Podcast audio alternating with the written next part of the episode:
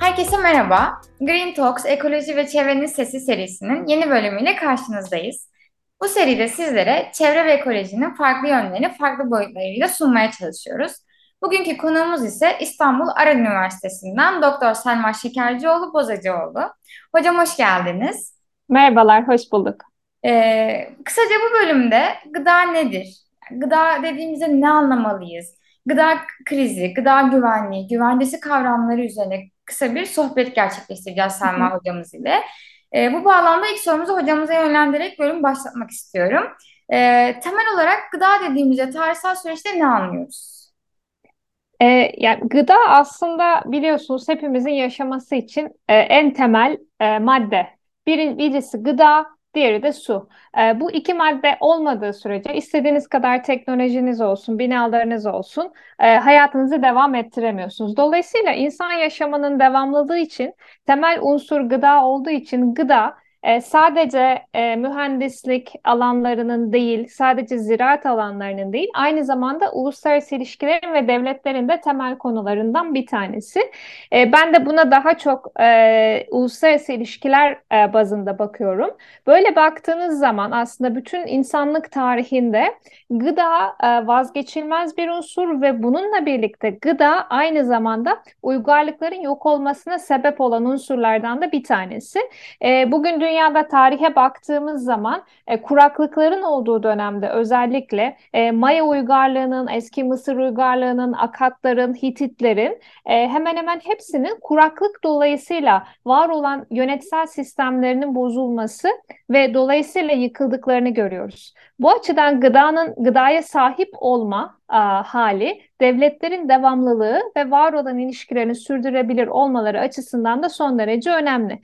Bunun içinde baktığınız zaman e, pek çok düşünür, bugün biz bu düşünürleri siyaset bilimi, uluslararası ilişkiler alanı içerisinde de değerlendirdiğimizde genel mesela David Hume şunu diyor, e, devletin esas gücü ve esas zenginliği gıda kaynaklarına sahip olmaktır. Yani gıda dışında herhangi bir kaynağa sahip olabilirsiniz ama özellikle savaş durumunda sahip olduğunuz en stratejik ürünlerden bir tanesi gıdadır.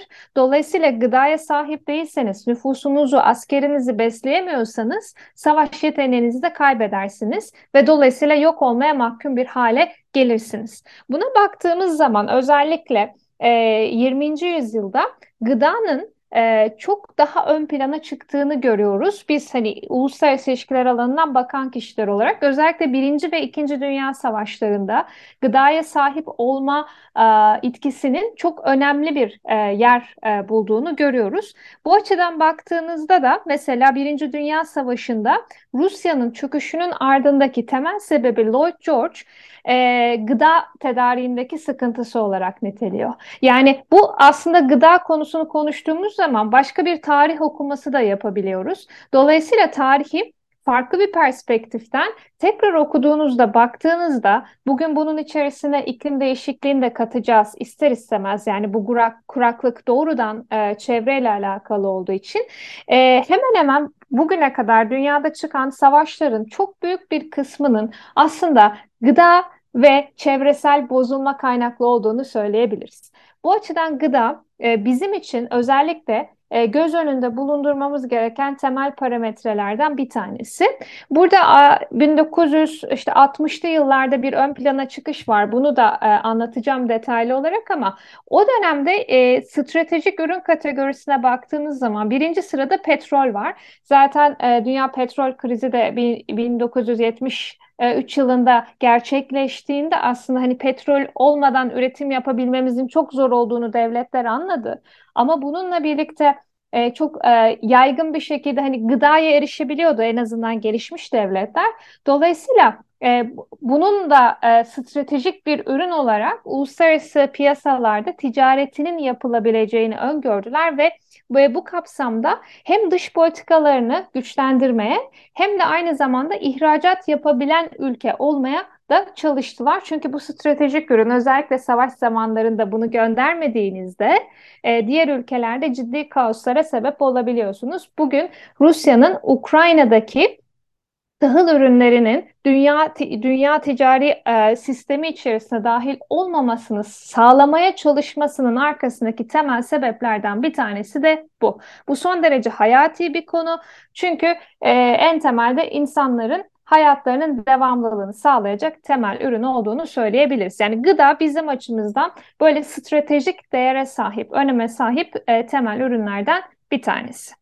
E, şimdi bu kapsamda baktığım zaman gıdaya e, ya da hepimiz baktığımız zaman aslında e, çok üzerine düşünmediğimizi görüyoruz. Yani e, ama birebir e, gıda çalışmaya başladığınız zaman şunu fark ediyorsunuz ki mesela biz uluslararası ilişkiler çalışanlar olarak işte bir e, ülkenin dış politikasına bakıyoruz ama bunun günlük hayatımızda hiçbir yansıması yok.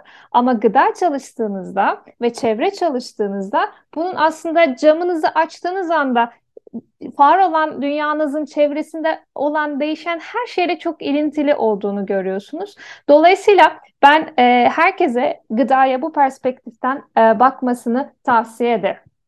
Hocam çok teşekkürler. Aslında siz biraz değindiniz yani hayatımıza dokunan bir konu. Bunun küresel işte devletler arası ilişkilerle de bir hani boyutu var.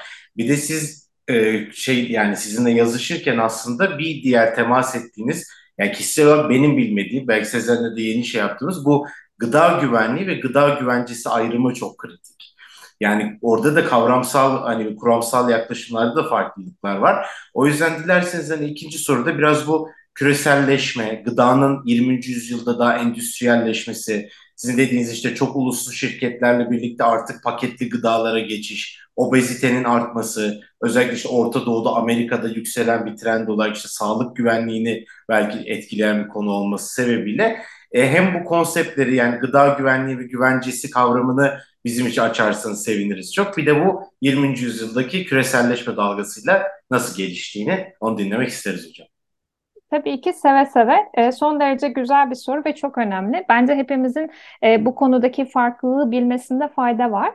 E, şimdi gıda güvenliği ve gıda güvencesi e, Türkçe'de farklı şekillerde kullanılabiliyor. Öncelikle ondan bahsetmek istiyorum. Özellikle e, ziraat mühendisleri ya da ziraat ekonomistleri, e, gıda mühendisleri e, Türkçe'ye Food sec İngilizce'de food uh, safety olarak adlandırdığımız kavramı gıda güvenliği olarak çevirmiş. Food security'yi de gıda güvencesi olarak çevirmiş. Bu yıllardır bu şekilde kullanıla geliyor ve hali hazırda Türkçe e, Türkiye'deki e, yönetmeliklerde de bu şekilde yer alıyor. Ama uluslararası ilişkiler disiplinine baktığınız zaman security bizde e, hiçbir alternatifi olmadan güvenlik olarak çevriliyor. Bütün uluslararası ilişkiler literatürü içerisinde. Dolayısıyla şimdi uluslararası ilişkiler alanında olup da e, işte food security üzerine Türkçe yayın yapmış olanların yayınlarına baktığınız zaman onlar birebir food security'yi gıda güvenliği olarak Türkçe'ye çevirmişler.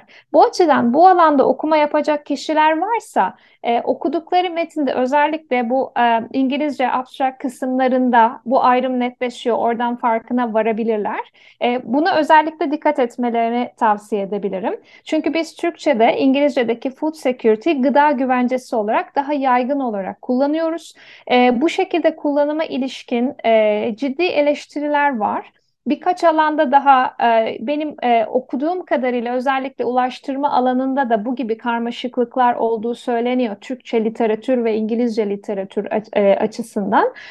Ama bu food security ve food safety yani e, gıdanın e, farklı niteliklerine ilişkin yapılan ayrım Türkçe'de e, böyle bir karmaşaya sahip. Öncelikle onu söyleyeyim. Şimdi ben e, yaygın kullanımı üzerinden gideceğim. Food e, security yani Türkçedeki gıda güvencesi nedir? Bizim açımızdan o çok daha e, önemli. Yani biz çünkü işin biraz e, daha çok küresel düzlemdeki boyutuna baktığımız için food security'ye bakmamız daha anlamlı ama elbette ki gıda güvenliğini de e, anlatacağım. Şimdi e, gıda güvencesi dediğimiz zaman aslında gıda güvencesi e, bizim gıdaya erişebilmemiz anlamına geliyor. Yani gıda güvencesi bugün baktığımız e, formatta kişilerin e, gıda bulabilmesi, bu gıdayı tüketebilmesi, ve bunu sürekli olarak bulabilmesi anlamına geliyor. Yani bugün sizin e, bir gıda tedariği yapmış olmanız ama yarın yapamayacak olmanız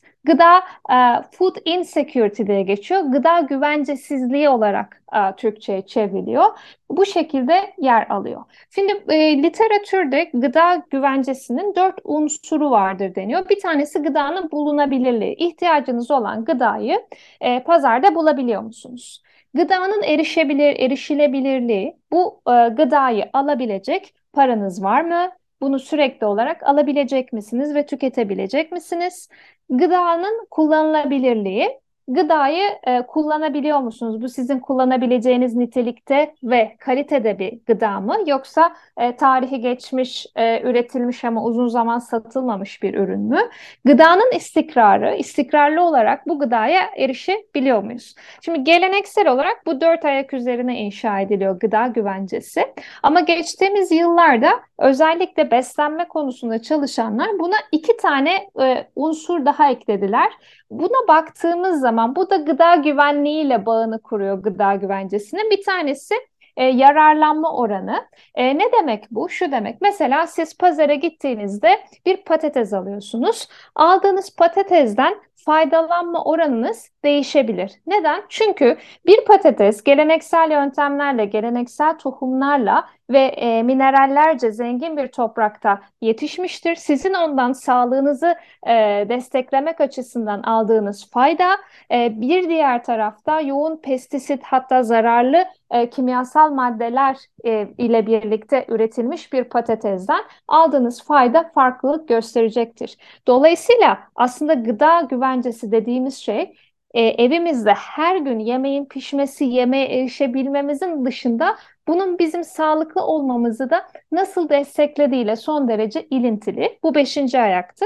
Altıncı ayakta bu kurumsallaşmış bir durumda mı? E, gıda kurumsallaşmış bir hale gelmiş mi? Buna e, nasıl e, bu dağıtımı yapabiliyoruz? Bununla son derece ilintili. Şimdi dolayısıyla gıda güvencesi bu anlamda yeryüzünde yaşayan insanların e, hemen hepsinin e, gıda ile ilgili olan ilişkisini belirliyor.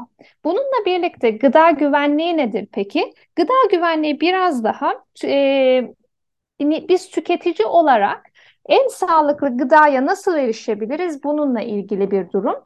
Bunun içerisinde çok değişken var. Şimdi ürünü üreten kişiler var. E, bu e, üreten kişilere e, kullandıkları kimyasal maddeleri sağlayan e, tedarikçiler var. Ürün üretildikten sonra e, işte biliyorsunuz mesela Türkiye'de bir tarımsal ürün üretiliyor, hallere geliyor. Hallerden pazarcılar alıyor. Sonra da biz son tüketici olarak alıyoruz. Bu bir zincir. Bu zincirin içerisinde gıda çeşitli şekillerde e, zarar görebilir. Dolayısıyla gıda güvenliği dediğimiz zaman bu süreç içerisinde nasıl bir e, yönetim sistemi kurgularsınız ki nihai tüketici olarak bizler en sağlıklı gıdaya erişebiliriz. Burada da en büyük rol Tarım Bakanlıklarına düşüyor. Belki de dünyada şu an hani en aktif ve en iyi çalışması gereken bakanlıklar Tarım Bakanlıkları. Çünkü onlar gerekli kontrolleri yapmadıkları zaman biz gerçekten e, aslında gıda alıyoruz derken zehir alıyoruz. Bakınız e, en son haberlerde Türkiye'den Tayvan'a giden yumurtalar konusu. Bu e, özellikle e, bugün Türkiye'de yediğimiz bütün yumurtaları da zan altında bırakıyor. Şimdi markete gidip bir yumurta aldığınız zaman gerçekten acaba bu yumurtada da var mı diye bilmiyorsunuz. Dolayısıyla tüketicide de ciddi bir güven kaybı oluyor. Ve ne oluyor biliyor musunuz? Bu haber çıktıktan sonra insanlar bir süre yumurta yemiyorlar. Halbuki bugün toplumumuz özellikle gıda enflasyonun bu kadar arttığı bir ortamda e, yumurta temel protein kaynaklarından bir tanesi. Dolayısıyla insanlar daha az protein alıyorlar. Neden? Çünkü güvenemedikleri için yemek istemiyorlar. Dolayısıyla yani devletin e, bu anlamda içerisinde aktif şekilde bulunması, denetlemesi gereken unsurlardan bir tanesi e, gıdanın bütün bu zincir içerisinde bozulmadan ve nitelikli olarak nihai tüketici olan bizlere erişmesi. Tabii burada biraz daha tarımsal ürün ağırlıklı söyledim ama bunun içerisinde hayvansal gıdalar yani et, ve bununla birlikte mandıra ürünleri olarak adlandırdığımız süt, yumurta, peynir, e, e, tereyağı e, gibi ürünler e, ve tarım ürünleri, balık gibi ürünlerin hepsi aslında bu kapsamda e, bu bakanlığın e, ni, nihai olarak denetlemesi gereken ve nihai tüketiciyi e, en sağlıklı gıdaya erişmesini sağlaması gereken alanlar. Şimdi peki nasıl bu duruma geldik? Ben biraz bunu anlatmak istiyorum. Küreselleşme de dermem bu çok belirleyici ve önemli bir şey. Herhalde hepiniz ilk sınıfta, e, daha lise, şey, üniversitenin ilk sınıfında aldığınız derslerde böyle iktisada girişte bir Malthus görmüşsünüzdür. Malthus ne der? E, insan nüfusu hakkında e, bir e, öngörüde bulunur ve der ki insan popülasyonu geometrik olarak artarken e, besin maddeleri aritmetik biçimde artar. Dolayısıyla biz bu kadar çoğalmaya devam edersek bu sürecin sonunda insanlar aç kalacak. Malthus bunu söylediği zaman 1798 yılı yani e, bugünden baktığımız zaman 200 küsur yıl öncesinden bahsediyoruz. Malthus'un bu görüşü bugün hepimiz yalanlanmış olarak düşünebiliriz. Ama bunun yalanlanmasının bir bedeli var. Gıdanın endüstriyelleşmesi. 19. yüzyılın sonunda özellikle e, Kanada, Amerika Birleşik Devletleri gibi o dönemde refah düzeyi daha yüksek ülkelerde başlamak üzere e, bu gıdayı nasıl yaparız da daha e, ucuz, herkesin erişebileceği ve herkesin için sürdürülebilir bir ürün haline getirebiliriz. Bu bize laboratuvar çalışmalarını getiriyor. Bu laboratuvar çalışmaları içerisinde e, yeni kimyasallar ortaya çıkıyor, e, yeni gübreler ortaya çıkıyor ve hatta bir süre sonra yeni e, tohumlar ortaya çıkıyor. Bunları bugün biz genetiği değiştirilmiş e, tohumlar olarak daha çok biliyoruz ve görüyoruz. Bunların ne önemi var? Şimdi siz normal geleneksel tarım üretimi yaptığınız zaman bütün iklimsel değişikliklere, çevresel değişikliklere açık bir ürün yetiştiriyorsunuz. Yani bugün burada bir sel olsa bütün ürününüz heba olup gidebilir ve aç kalabilirsiniz. Zaten işte bu dedim ya dünya tarihinde devletlerin çöküşlerinin arkasındaki sebeplerden bir tanesi bu. Dolayısıyla öyle bir şey yapmalıyız ki bütün bu iklimsel değişikliklere, çevresel koşullara mümkün olduğunca dayanıklı olsun kurtlanmasın. İlaçlamadığınız her tarımsal ürün kurtlanabilir. Yani siz e, pazara gittiğiniz zaman elma almak için elinize attığınız zaman bir kurt varsa üzerinde bilin ki o elmada ilaçlama olmamış. Aslında daha sağlıklı. Şimdi dolayısıyla hani bunları engelleyeceğiz. Ne yapacağız? Kayıpların önüne geçeceğiz ve maksimum düzeyde ürün elde edip bunu da satacağız ve ticari bir meta haline getireceğiz. Bunun doğrudan ilişkisi işte küreselleşmeyle. Neden? Çünkü gıda e, bozulabilir bir madde. Dolayısıyla çok yakın çevrenizde bunu gönderebilir olsanız dahi dünyanın uzak yerlerine gönderemiyorsunuz çok uzun bir süre. Ama ulaşım sektörünün gelişmesi, e, çeşitli şekilde e, iletişim kanallarının gelişmesi gibi unsurlar sizin gıdayı dünyanın herhangi bir bölgesine gönderebilir hale gelmenize sebep oluyor. Bu da şu anlama geliyor. E, siz artık öyle bir ürün üretebilirsiniz ki dünyanın her yerine gönderebilirsiniz ve bundan gerçekten iyi para kazanabilirsiniz. Bu endüstriyel tarımın önünü açıyor. Ve Amerika ve Kanada gibi Kuzey Amerika ülkelerinde başlayan bu akım yavaş yavaş dünyanın her bölgesine yayılmaya başlıyor ve bugün e, hemen hemen bütün ülkelerde endüstriyel tarımın bir e, ürün modelinin, bir ürün e, motifinin olduğunu e, söyleyebilmemiz mümkün. Buradaki hedef dediğim gibi maksimum tarımsal etkinlik. E, bunun içinde daha çok e, verim elde etmek için diyor ki ben diyor e, daha fazla ürün elde etmek için ürün çeşidini azaltabilirim. Buna da monocropping yani tek ürün tarımı diyor.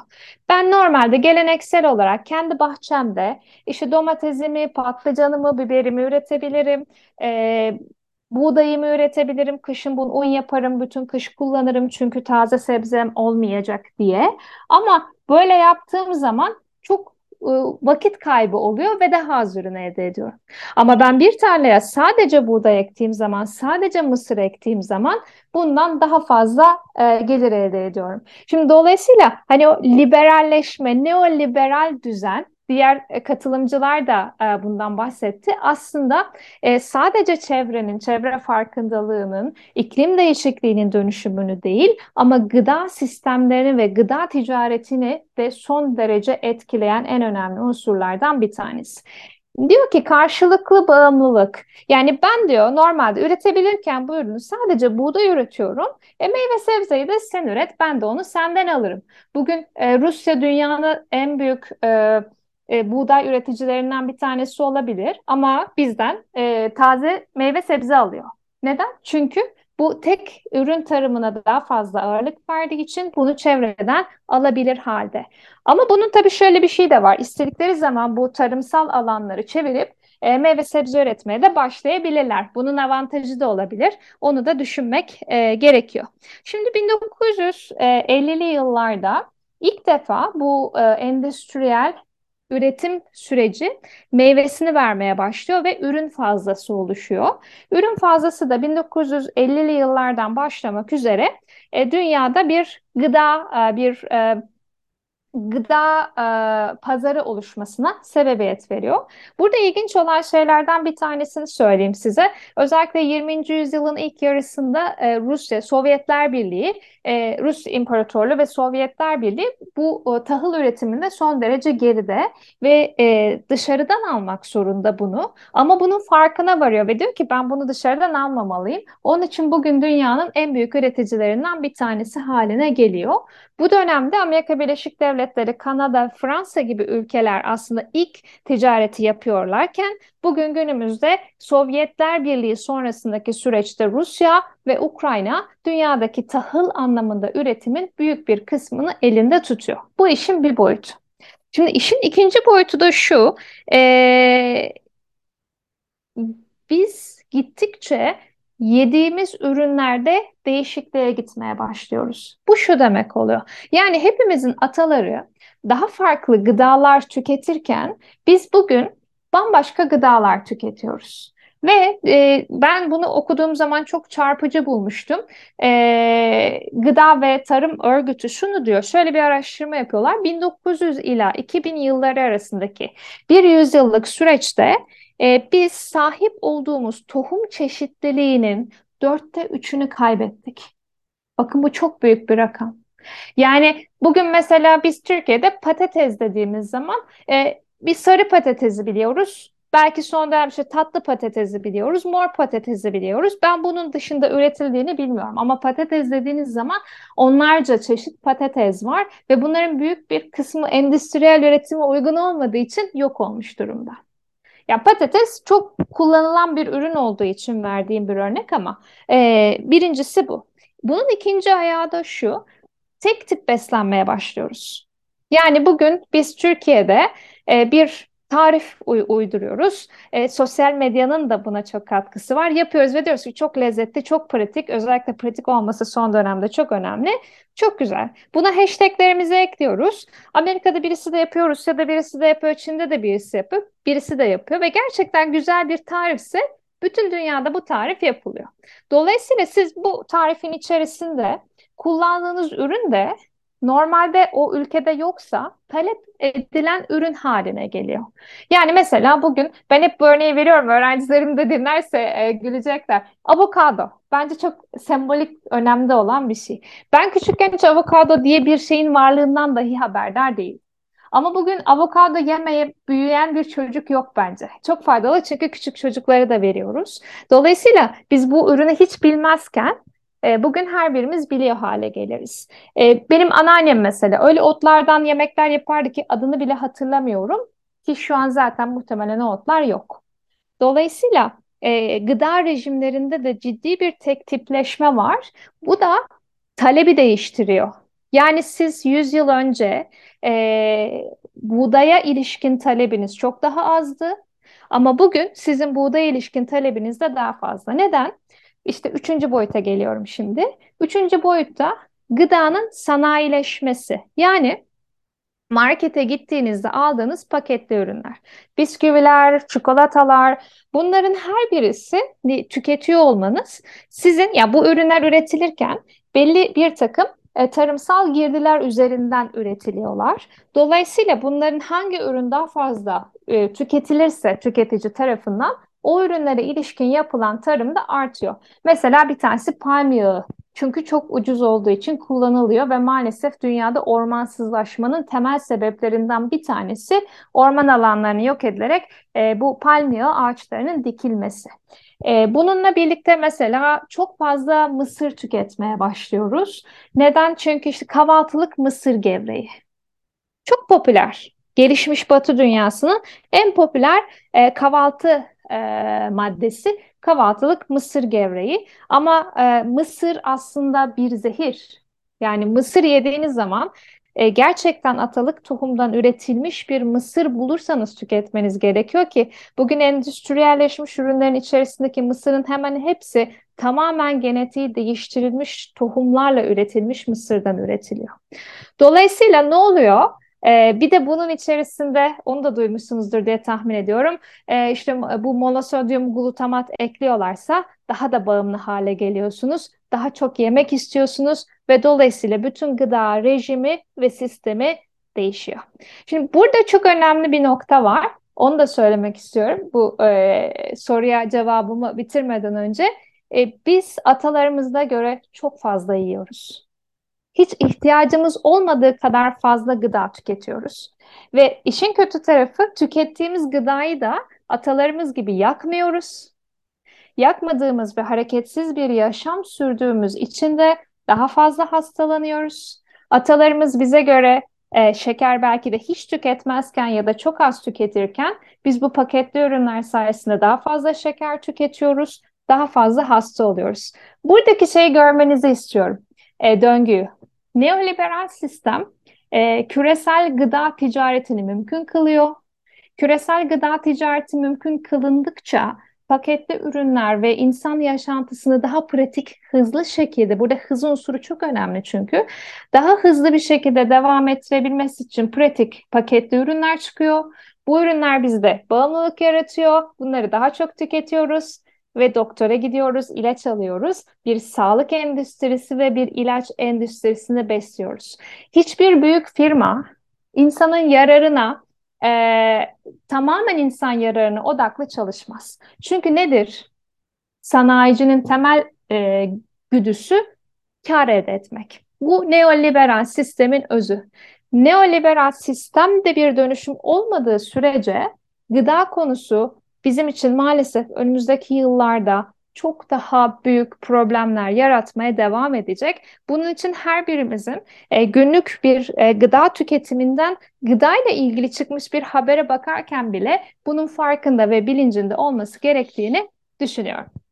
Hocam yanıtınız için çok teşekkür ederiz. Aslında siz anlattıkça e, şunu düşünüyor insan. Ee, yani gıda dediğimiz şey şu an günümüzde iklim değişikliği ve çevre sorunlarıyla birlikte çok daha fazla gündeme gelmeye başladı ister istemez. Nasıl ki çevre konusu popüler olduysa gıda konusu da bu şekilde belki popüler oldu ama bu şekilde bakmamamız gerektiğini anlattınız bize. Çünkü gıda boş, başlı başına bir dehliz yani çok derin, çok farklı, çok boyutları var, çok ölçüsü var. Ee, bu noktada yani gıda güvencesinden, gıda güvenliğinden bahsettiniz kavram olarak.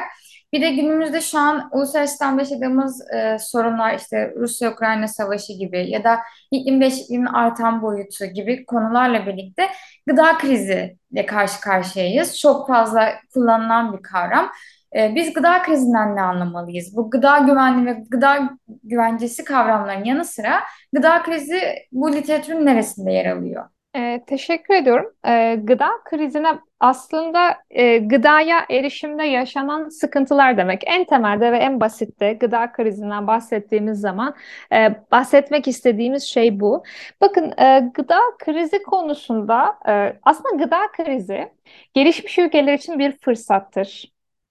Neden böyle söylüyorum biliyor musunuz? Gelişmiş ülkeler gıda krizini çözmek için ne yaparlar? Mesela sürdürülebilir kalkınma hedefleri.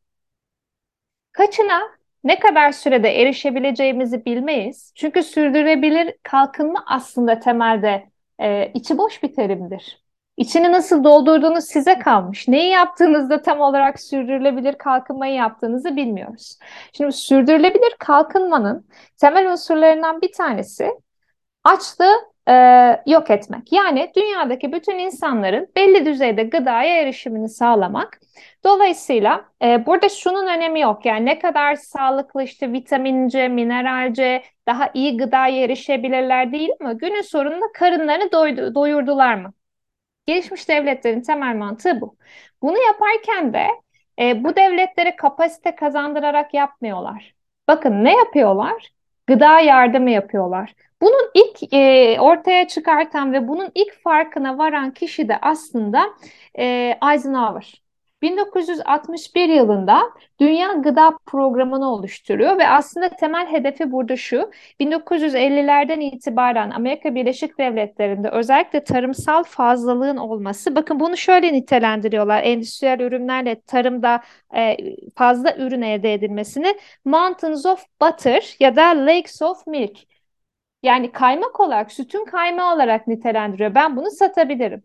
Şimdi bunu satıyor, satmaya çalışacak ama henüz daha küresel ticaret o kadar aktif değil. Amerikan başkanı da diyor ki ben bunu o zaman bir e, dış politika aracı olarak kullanabilirim. Ve gerçekten gıda ihtiyacı olan ki bu yıllarda Afrika'da ciddi açlık krizleri var. Dolayısıyla bu bir e, hem e, dış politika aracı olarak kullanılmaya başlanıyor. Hem de bir yandan da biz buna dair bir uluslararası yapılandırma, bir uluslararası yapı kuralım. İlk defa FAO aslında Gıda e, ve Tarım Örgütü 1945 yılında kuruluyor. Ama 1960'lı yıllardan itibaren daha küresel olarak aktif hale gelmeye başlıyor.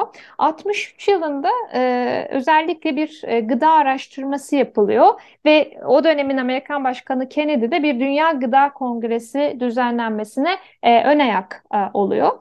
Burada deniyor ki savaş sonrası gelişmiş ülkelerde gıda üretimi artmış ama 3. dünyada artmış durumda değil. Dünya nüfusunun %10 ila 15'i yetersiz besleniyor. %50'ye yakını da kötü besleniyor. Kötü besleniyor ve açlıkla e, yüz yüze yaşıyor.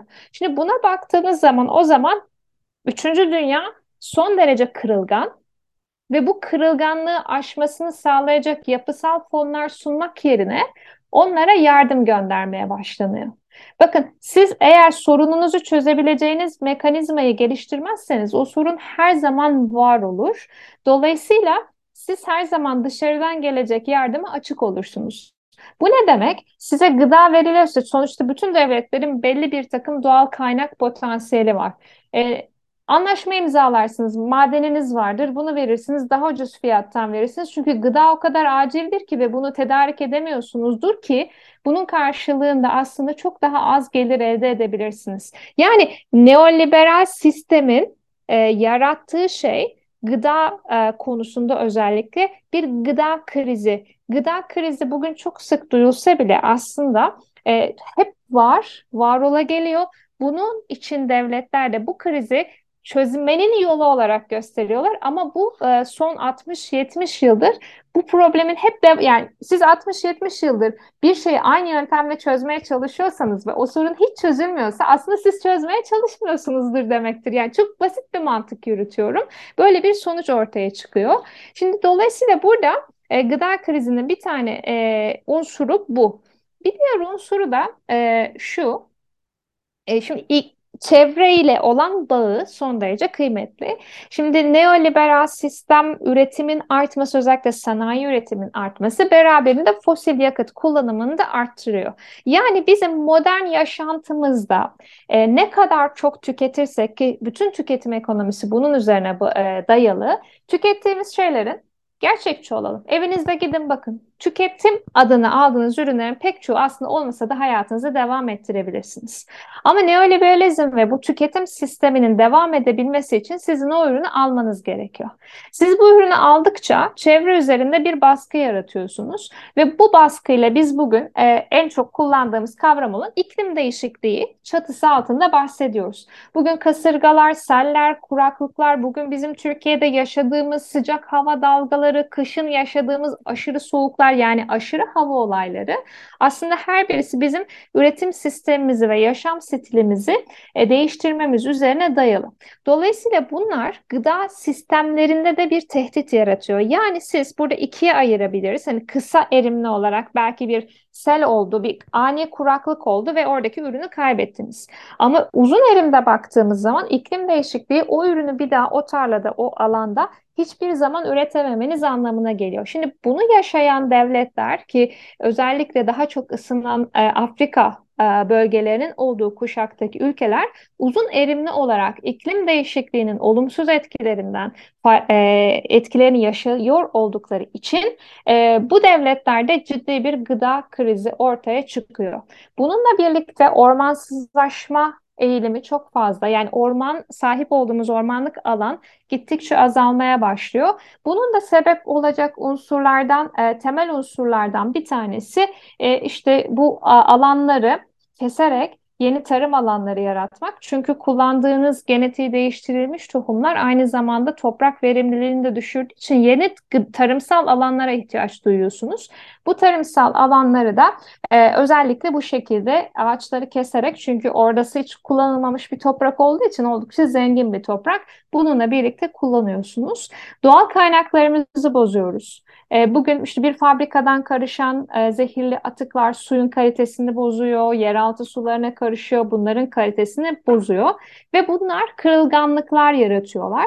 Bu kırılganlıkları sadece iklim değişikliği değil ama bunun sonucunda ortaya çıkan toplum içerisindeki memnuniyetsizlik ve huzursuzluğun yarattığı çatışmalar etkiliyor mesela. Ee, siz oraya baktığınız zaman gıda ile ilgili bir şeyi ilk etapta görmüyorsunuz. Çatışan iki taraf var diye düşünüyorsunuz. Bunu hani mezhep savaşları gibi çok e, etnik e, ya da etnik çatışmalar gibi çok uzun vadeye dayanan çatışmalar için değil belki ama aslında uzun süre refah içerisinde bir arada yaşayan bir halk ne oluyor da bir anda çatışmaya başlıyor diye baktığınız zaman onların bu yaşamlarını devam ettirebilmeleri için karşılaştıkları kırılganlıklar dolayısıyla olduğunu görüyoruz. Pandemide bu etki arttı. Yani dünyadaki yoksul a, nüfus da arttı. Ve tabii bütün bunların beraberinde gelen sosyoekonomik krizler. Belki 2008 krizi Amerika Birleşik Devletleri'ni elbette ki çok etkiledi. Ama onun dalga dalga yayıldığı ve daha kırılgan ekonomiye sahip devletler bundan çok daha fazla e, etkilendi. Dolayısıyla baktığımız zaman bir böyle bir boyut var. Ama şimdi düşünmediğiniz, muhtemelen düşünmediğiniz bir ikinci boyutunu da söyleyeceğim size. Bu kadar tarım yapıyor olmamız ya da bu kadar e, et tüketiyor olmamız aslında e, belki Türkiye açısından bu çok yüksek bir rakam da değil ama özellikle Amerika, Kanada gibi ülkelere baktığınız zaman çok büyük hayvan çiftlikleri var ve gereğinden ve ihtiyaçları olanlar çok daha fazla kırmızı et özellikle ağırlıklı olmak üzere tüketiyorlar. Şimdi bütün bu besin zincirinde ürettiğimiz her ürün Aynı zamanda e, emisyonu etkiliyor, alan kullanımını etkiliyor ve üretilen her ürün için e, su kullanılması gerektiğini, tatlı su kaynaklarının kullanılması gerektiğini düşünürsek bunları etkiliyor. Bununla birlikte baktığımız zaman yani gıdayı üretmemiz de gıdayı tüketmemiz de çevre üzerinde bir baskı yaratıyor. Burada bir e, kısır döngü var ve dolayısıyla bu kısır döngüyü bizim çözmemiz ve bu kısır döngüyü aslında e, kısır döngü olmaktan çıkartmamız gerekiyor bu sorunu çözmek için. En temelde bunu söyleyebilirim. E, bu açıdan baktığınız zaman da devletlerin bu konuda açıkçası e, Evet, çok fazla rapor üretildiğini, toplantı yapıldığını, zirveler yapıldığını görüyoruz ama yapısal olarak sorunun çözümüne ilişkin e, maalesef büyük adımlar atılmıyor devletler tarafından. Şimdi e, bu e, yayını çektiğimiz tarih itibariyle Biraz şanslıyız. 2023 yılına dair raporlar yayınlandı. Biraz onlardan bahsetmek istiyorum. Bu sene 5 e, tane kurum e, gıda e, ve e, Tarım Örgütü, UNICEF, Dünya Gıda Programı, Dünya Sağlık Örgütü ve e, Tarımsal Kalkınma Fonu ortak bir rapor yayınladılar. Bu da The State of Food Security and Nutrition e, adı altında bir rapor. Şimdi buna baktığımız zaman 2022 yılı içerisindeki e, dünyada yaşa, yaşayan insanlar yüzde kaçı ya da ne kadar miktarı açlıkla ya da e, yetersiz beslenmeyle karşı karşıya. Burada şunu demek istiyor yani mesela siz 3 tane ekmek yersiniz günde doyarsınız ama 3 tane sorun aslında sadece doymak değil e, çeşitli far, e, farklı ürünleri, farklı skalalardaki ürünleri alabilmek. Yani bunun içerisinde proteininizi almak, vitaminlerinizi, minerallerinizi almak da dahil. Bunlar aslında yani öyle rakamlar söyleyeceğim ki e, bunları alabiliyor olduğuna birçok insan bence şükredecek. Şimdi e, 2019 yılıyla 2022 yılı arasında e, dünyadaki gıdaya erişme zorluğu yaşayan insanlar arasında 122 milyon kişi eklenmiş. Bugün baktığımızda tam bunlar tabii ki tam birebir rakamları e, değil de biraz e, tahmin yürütüyorlar e, elde ettikleri istatistikler üzerinden. Bugün 691 ila 783 milyon arası insan e, gıdaya erişmede ciddi zorluklar yaşıyor ve aslında muhtemelen aç yatıyor. Muhtemelen gıdaya çok az erişebiliyor ve gerekli gıdayı alamıyor. Dolayısıyla şöyle diyor, eğer dünya nüfusunu, bugün baktığımız dünya nüfusunun %29.6'sı ki bu 2.4 milyar insana denk geliyor, gıda güvencesizliği içerisinde yaşıyor. Bakın bu çok büyük bir rakam. Yani ve burada bir artış trendi var. Yani önümüzdeki 20-30 yıl içerisinde belki de dünya nüfusunun yarısı gıdaya erişemeyecek. Bu çok önemli bir rakam ve devletler için bence en harekete geçilmesi gereken nokta sadece bu rakamlara bakmak bile olabilir. Ama tabii e, siz devlet olarak bununla çok e, kısa vadede yüzleşmeyecekseniz bu adımı atmayabilirsiniz. Çünkü nihayetinde devletler hükümetler tarafından kuruluyor ve her hükümet hükümet ettiği ya da o hükümetinin devam ettiği süre içerisinde bakıyor ve 30 yıl sonrasını çok düşünmüyor. Eğer biz bu şekilde yaşamaya devam edersek bütün dünya devletleri olarak maalesef e, bunu gerçekleştiremeyeceğiz. Keza zaten e, küresel ısınmayı da düşürebilecek işte e, bir buçuk derece santigrat dereceyle sınırlandırabilecek bir durumda da değiliz zaten. Hiçbir şey yapmıyoruz. Makul olursak hani bunun da gıda üzerinde ekstra bir stres yaratacağını düşünürsek herhalde ki önümüzdeki 30-40 yıl gerçekten çok zor geçecektir diye düşünüyorum. Bunu biraz felaket tellalığı gibi algılayanlar var ama aslında bu tamamen var olan gerçeğin e, bir e, tezahürü. Bunu biz önceden söylemekte en azından bunu çalışan insanlar olarak yükümlüyüz diye düşünüyorum.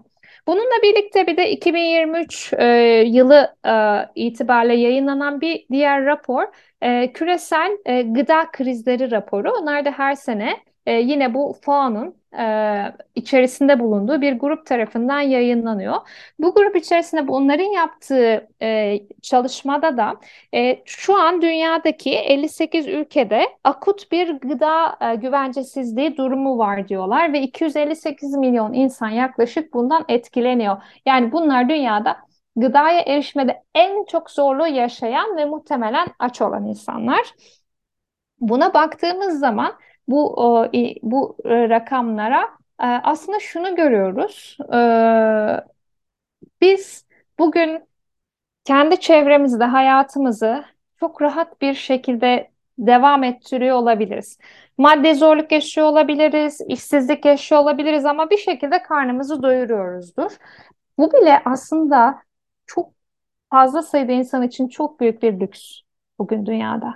Ve maalesef ki e, çok ciddi sayıda çocuk bununla karşı karşıya.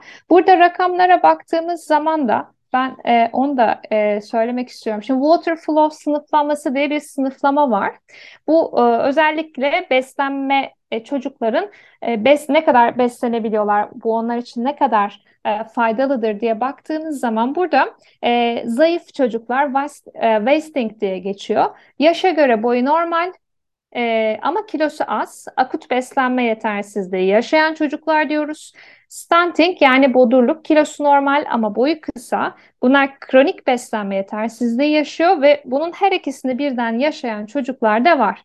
Şimdi bunlara baktığımız zaman dünyanın en yoksul ve bugün gıda kriziyle en çok yüzleşen ülkelerinde bu rakam çok büyük. Bakın sadece Nijerya'da 5.93 milyon çocuk bugün e, beslenme geriliği yaşıyor. Bence bu çok büyük bir rakam. Yani her birimiz bunu bile düşünsek aslında bence yaşama, e, dair bakış açımız tamamen değişir. Bunun için aslında UNICEF bu çalışmalar içerisinde yer alıyor. Bunu da biraz daha görünür hale getirmek için bence o anlamda buna bakmak da önemli. Peki nasıl sınıflandırıyoruz? Yani ülkelerin e, nasıl e, gıda güvencesizliği içerisinde olduğunu anlıyoruz. Burada da bir beşli e, sınıflandırma var. E, bu beşli sınıflandırma üzerinden bunu yapıyor. E, IPC e, Integrated Food Security Phase Classification diye bir e, sınıflandırma yöntemi geliştirilmiş durumda. E, bununla birlikte bir de Cadre Harmonize iki ayrı sınıflandırma ölçeği var. Bu ölçekler üzerinden yapılan 21 ülke arası en kırılgan 21 ülke üzerinde yapılan çalışmalar var ve bu çalışmalar ülkeleri faz 1'den faz 5'e kadar sınıflandırıyor. E, e, bunlara baktığımız zaman faz 1 minimal düzeyde bir gıda sorunu var ama hemen hemen herkes karnını doyurabiliyor. Çeşitli gıdaya erişebiliyor demek. Faz 2 bazı ürünlere erişememeye başladığınız faz. Faz 3 e, pek çok ürüne erişememeye başlıyorsunuz ve beslenme geriliğinin olmaya başladığı bir faz. Faz 4 acil durum. Çünkü insanlar artık ölmeye başlayacaklar ve yüksek ve akut bir gıda problemi var. Faz 5 ise kıtlık demek. Şimdi bugün bu e, faz 3 ve e, üzerinde yani faz 3, faz 4 ve faz 5 üzerinde ki sınıflandırma altında sınıflandırabileceğimiz 153 milyon insan var. Şimdi bu insanlar şöyle sınıflanmıyor ama. Yani mesela Türkiye diyelim ki faz 4'te olsun. Bütün Türkiye'de yaşayan herkes faz 4'te değil. Her devletin içerisinde bazı bölge var ki faz 2'de, faz 3'te, faz 5'te mesela Afganistan. Belli kesimlerinde e, faz 5'teler ama belli kesimlerinde faz 3'teler diyebiliriz. Dolayısıyla tek bir devlet, tek bir e, kategoride değil. Bunda da bir çeşitlilik var, çeşitlilik var. Onu e, söyleyebilirim. E, bugün baktığımızda en kırılgan devletlere e, burada Somali, Güney Sudan, Yemen, Afganistan, Haiti, Nijerya ve Burkina Faso. Bu devletlerin gıda güvensizliğini ya da e, gıda sorunları yaşamasının arkasında temel olan şeylerde çatışma hemen hemen hepsinde bir çatışma var. Hemen hemen hepsinde bir ekonomik şok var. Yani ekonomik sistemin bozulması var ve hemen hemen hepsinde aşırı hava olayları farklı şekillerde de olsa görülüyor diyebiliriz. Hocam çok teşekkürler. Yani biz o raporlara da yani tekrar aslında defaatle incelemek lazım. Çünkü yani rakamlar artık şeyin insan algısının ötesinde boyutlara ulaşmış vaziyette. En azından biz burada büyük bir şok içinde dinledik. Belki yani hani Sezen özellikle bilahare iklim çalışıyor, yani çevre güvenliği çalışıyor. Çok şaşırtıcı olmamıştır ama yani bu durumdayken devletlerin hala hiçbir şey yapmayıp böyle etrafımızda restoranlarda çöpe gıda gittiğini de görünce hani inanılmaz bir tabloya doğru sürükleniyoruz herhalde. Siz Nijerya'dan bahsettiniz. Tam yayına hazırlanırken biz de o yüzden Nijerya'yı gördük. Yani gıda güvenliği o hali ilan etmiş. Bu da herhalde yani uluslararası ilişkilerde artık bize yeni bir kavram olarak mı e, giriyor literatüre? E, yani belki Ukrayna meselesine de hani girmek isterseniz ona da bir örnek olarak girebiliriz ama bu bizim ilgimizi çekti. Çünkü Nijerya'da terörizm işte yaygınlaşıyor. E, iç savaşın boyutları hala işte yıllardan beri devam ediyor vesaire. Hani bu konuda özellikle o hal dediğimiz zaman hani o Agamben'den gelen o o hal işte güvenlikleştirme kavramına bizi işaret ediyor mu? E, hani kuramsal olarak böyle bir tartışma yapabilir miyiz? E, Nijerya hakkında başka e, paylaşmak istediğiniz şeyler var mı? E, onu size sormak isterim hocam. E, aslında şöyle, e, Nijerya gerçekten çok yoğun, uzun zamandır çok yoğun çatışmaların olduğu bir yer. Dolayısıyla siz bu kadar çok çatışmaya maruz kalırsanız yapısal yatırımları yerine getiremezsiniz. Yaşadığınız yüzyıllardır atalarınızın da yaşadığı yerde yaşayamaz hale geliyorsunuz. Çünkü gıdaya erişemiyorsunuz, sağlık koşulları e, yeterli değil, hijyen koşulları yok ve göç etmeye başlıyorsunuz. Dolayısıyla bakın bugün Avrupa mesela almak istemiyor ya göçmenleri. Neden almak istemiyor? Çünkü var olan düzey, e, düzenini bozmak istemiyor Avrupa Birliği. Dolayısıyla ne kadar az göçmen alırsa bu kadar çok düzenini devam ettirebilir. Ama bu göçmenlerin hepsi e, aslında sadece ülkelerinde çatışma olduğu geçinemedikleri için mi gelmiyor? Buna baktığınız zaman bu yapısal bir şey. Bu insanlar kendi topraklarında yaşamlarını devam ettiremiyorlar.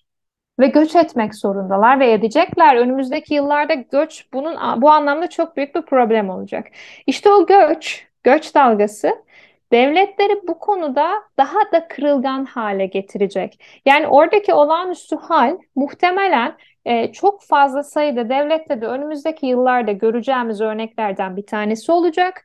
Ve belki de hani gıda güvenliği zaten aslında diyor olmamız İngilizce literatürde Türkçe'de gıda güvencesi dediğimiz için biraz daha böyle bir soft bir şeymiş gibi algılıyoruz ama bunun konu aslında hali hazırda bence güvenlik güvenlikleştirilmiş durumda ama bunun boyutu ve bizim algımız önümüzdeki yıllarda çok daha farklı düzeyde olacak. Beni mesela e, çok e, şaşırtan bir bulgu vardı. Geçen yıl bir e, iklim göçü üzerine bir yayın hazırlıyordum.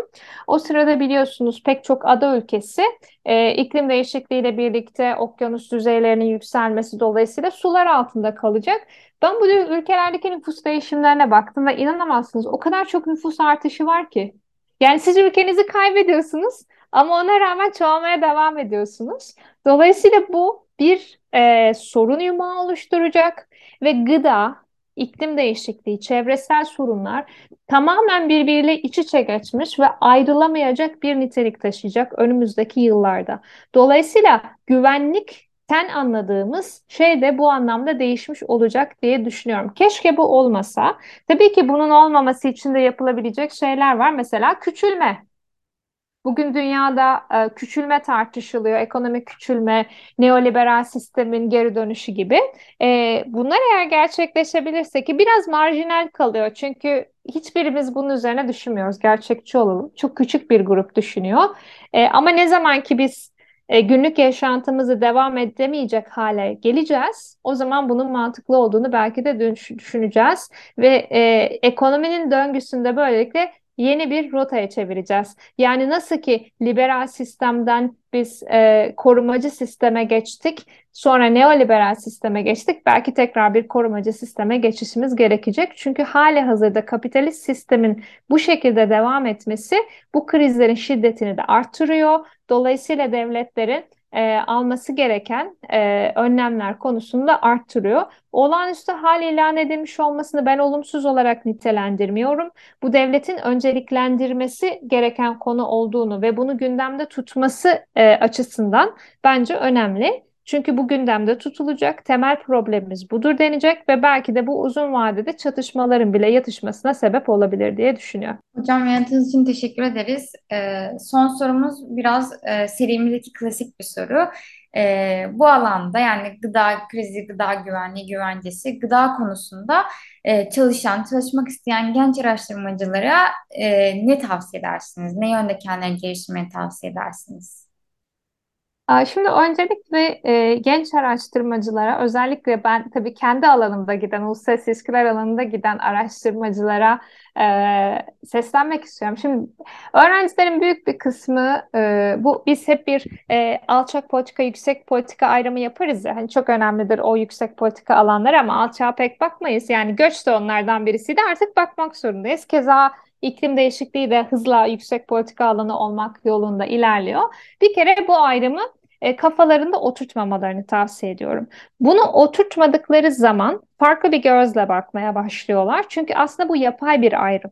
Bu ayrımı e, daha e, e, nasıl diyeyim e, bu ayrımı daha soft bir şekilde görüyor olmaları lazım. Dolayısıyla ben e, bu konuda araştırma yapacak kişilere özellikle e, gıda üzerinde, gıda güvenliği üzerinde araştırma yapmalarını tavsiye ederim. Özellikle uluslararası ilişkiler literatüründe henüz çok yeni bir e, araştırma alanı olarak görebiliriz e, food security'yi.